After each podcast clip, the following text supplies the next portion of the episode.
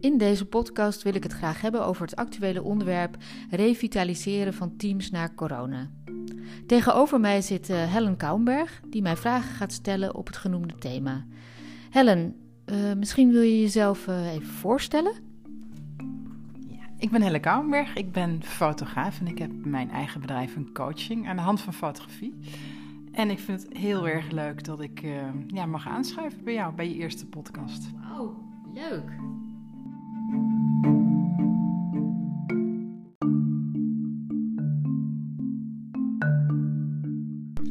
Rosanne, je wil het graag hebben over het revitaliseren van teams. Um, wat versta je daar precies onder? Um, ja, dat is een goede vraag. Revitaliseren van teams. Um, ja, teams eh, door, door het vele thuiswerken de afgelopen twee jaar door uh, corona hebben ja, veel mensen hebben gewoon online gewerkt. En er is heel weinig uh, echt live contact geweest. Heel af en toe maar op kantoor. Um, en daardoor is er eigenlijk weinig oog geweest voor het functioneren van, van, het team als geheel.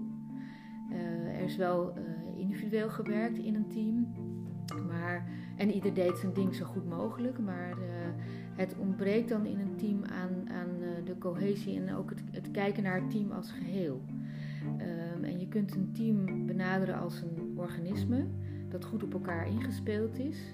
Uh, en daarbij kun je het vergelijken met het menselijk lichaam. Zeg maar, dat uh, bestaat uit allerlei organen die zo optimaal mogelijk functioneren. Op het moment dat een team ook zo functioneert, dan heeft het de beste uh, uitkomst. en als teamleden op afstand moeten werken, dan is dat best ingewikkeld. Want dan krijg je de zogenaamde onderzeestromen, dus dat wat onder de waterlijn zit, niet mee. Uh, en uh, bepaalde dingen worden niet besproken, komen niet aan het licht, waardoor teamleden elkaar niet, niet altijd begrijpen. En ook het verhaal van ieder teamlid erachter niet altijd kennen en daar ook geen rekening mee kunnen houden. Dus dat maakt het best ingewikkeld.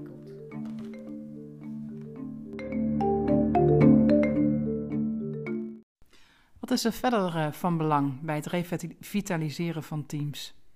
Uh, verder is van belang het zoeken van balans in de samenwerking. Dat is een uh, hele belangrijke. En wat bedoel ik daarmee? wat is het teamdoel en hoe wil het team zich daarvoor inzetten? Is een hele belangrijke dat je dat van elkaar weet en ook gebruikt.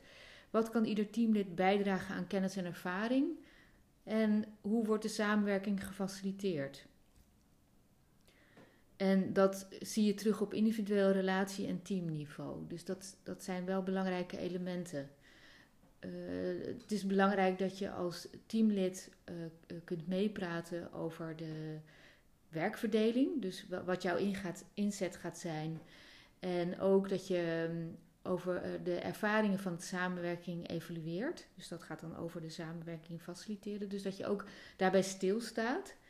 Uh, dat, gebeurt, dat gebeurt niet altijd. Dat gebeurt heel vaak niet eigenlijk.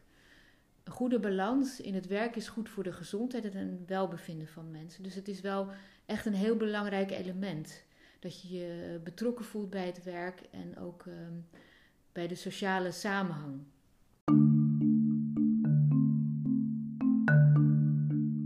Wat zien jullie in het hybride werken ontstaan? Werken, dat is uh, op dit moment een uh, hot topic. Hè? Alle bedrijven zijn zoekende naar hoe vinden we de balans tussen thuiswerken en op kantoor. Ehm, wat, wij, wat wij zien is dat er wel een moment was waarop bedrijven het idee hadden van oh, we kunnen dat ook anders doen. En dat was ingegeven door corona, dat er ook zeg maar dat het eigenlijk ook wel anders moest. Uh, wat we nu merken is dat de neiging van, ik zeg niet alle organisaties, maar sommige organisaties is wel om terug te gaan naar het oude normaal. Uh, wat betekent dat mensen weer massaal in de auto zitten, midden in de file enzovoort. En wat wij ja, aan suggestie hebben, een van de suggesties in het hybride werk is om niet te kijken naar hoe gaan we weer terug naar het oude normaal. Maar hoe introduceer je eigenlijk nieuwe, nieuwe uh, manieren van werken.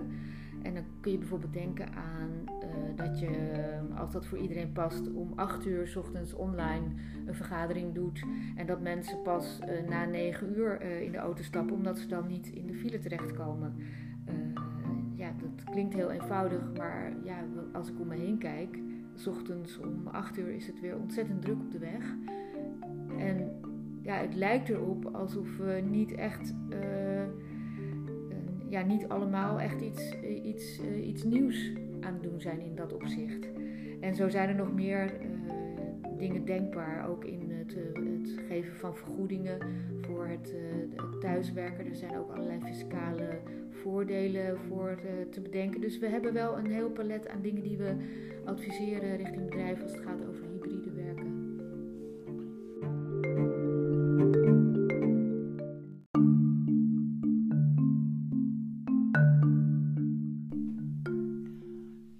Rosanne, waar ik ook eh, benieuwd naar ben, wat is er nodig op sociaal gebied qua reïntegratie? Uh, op sociaal gebied, uh, veel mensen bleven thuis hè, tijdens de coronatijd.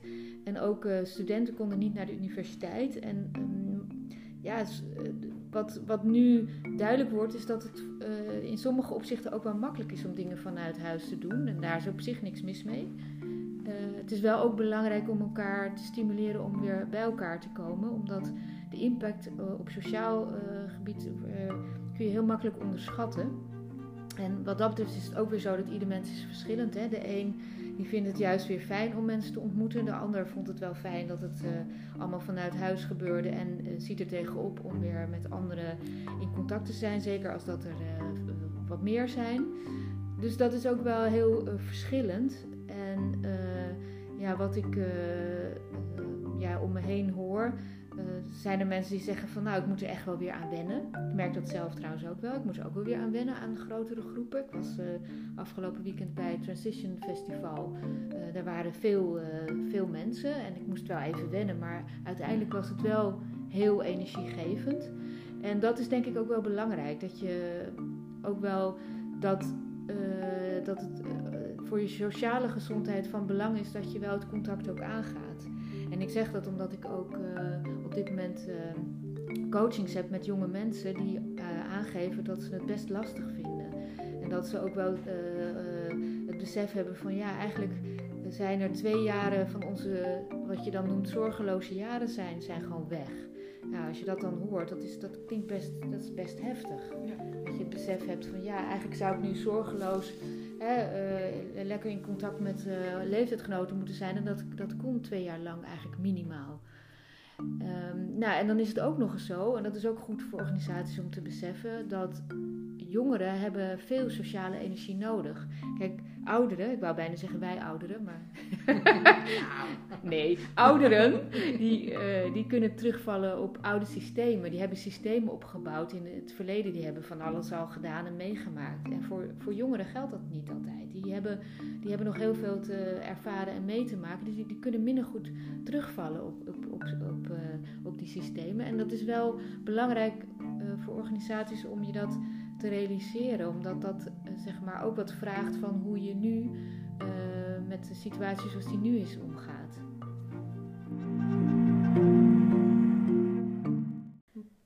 Wat doen jullie op het gebied van coaching als het gaat om het revitaliseren van teams?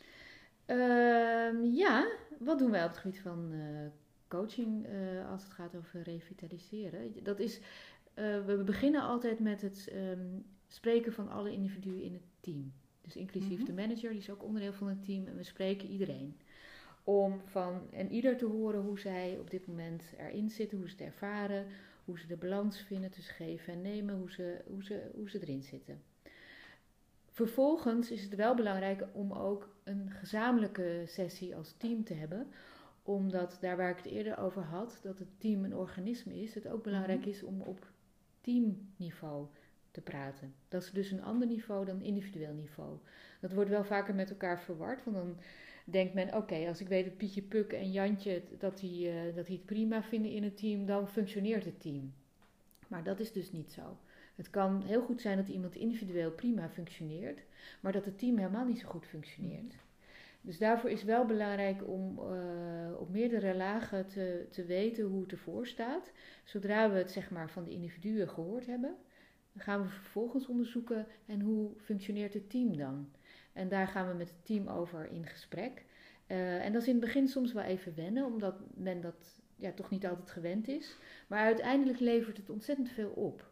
Omdat je dan ook boven water krijgt waar het beter kan, waar het team elkaar meer kan helpen, waardoor het, de teamdoelen ook meer binnen, binnen bereik komen. Nou, het is, het is voor, voor, voor het team heel uh, verhelderend vaak. En ook uh, teams die heel succesvol lijken, die kunnen toch, ehm, dat klinkt wel triviaal, maar kunnen ook ongezond worden.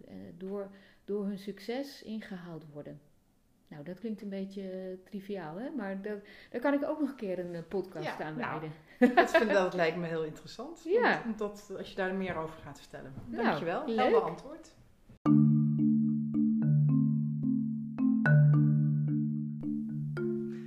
Dankjewel, Rosanne. Ik vond het een heel helder verhaal. Ik ben ook benieuwd. Uh, de volgende podcast. Wat zijn de, de onderwerpen die je in het vizier hebt? Uh, ik vond het ook heel erg leuk, Helen, om dit samen met jou te doen. En uh, de volgende onderwerpen zouden kunnen zijn hoe krijgt HR meer impact in de organisatie? Dat is er een die ik wel heel interessant vind om, om met jou te bespreken.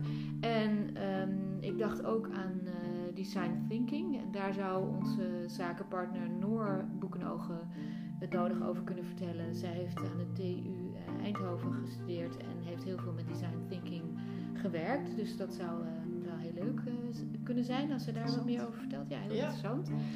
Um, en ook sociaal systeem innovatie, dat is ook een onderwerp wat ons na aan het hart ligt.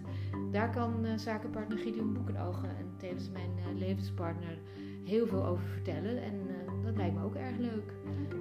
Dus ja, wat het wordt, dat, um, ik denk nu aan de HR, hoe krijgt HR meer impact in de organisatie om die voor volgende keer te nemen. Maar mocht er een actueel ander onderwerp voorbij komen, dan we laten het in ieder geval op tijd weten.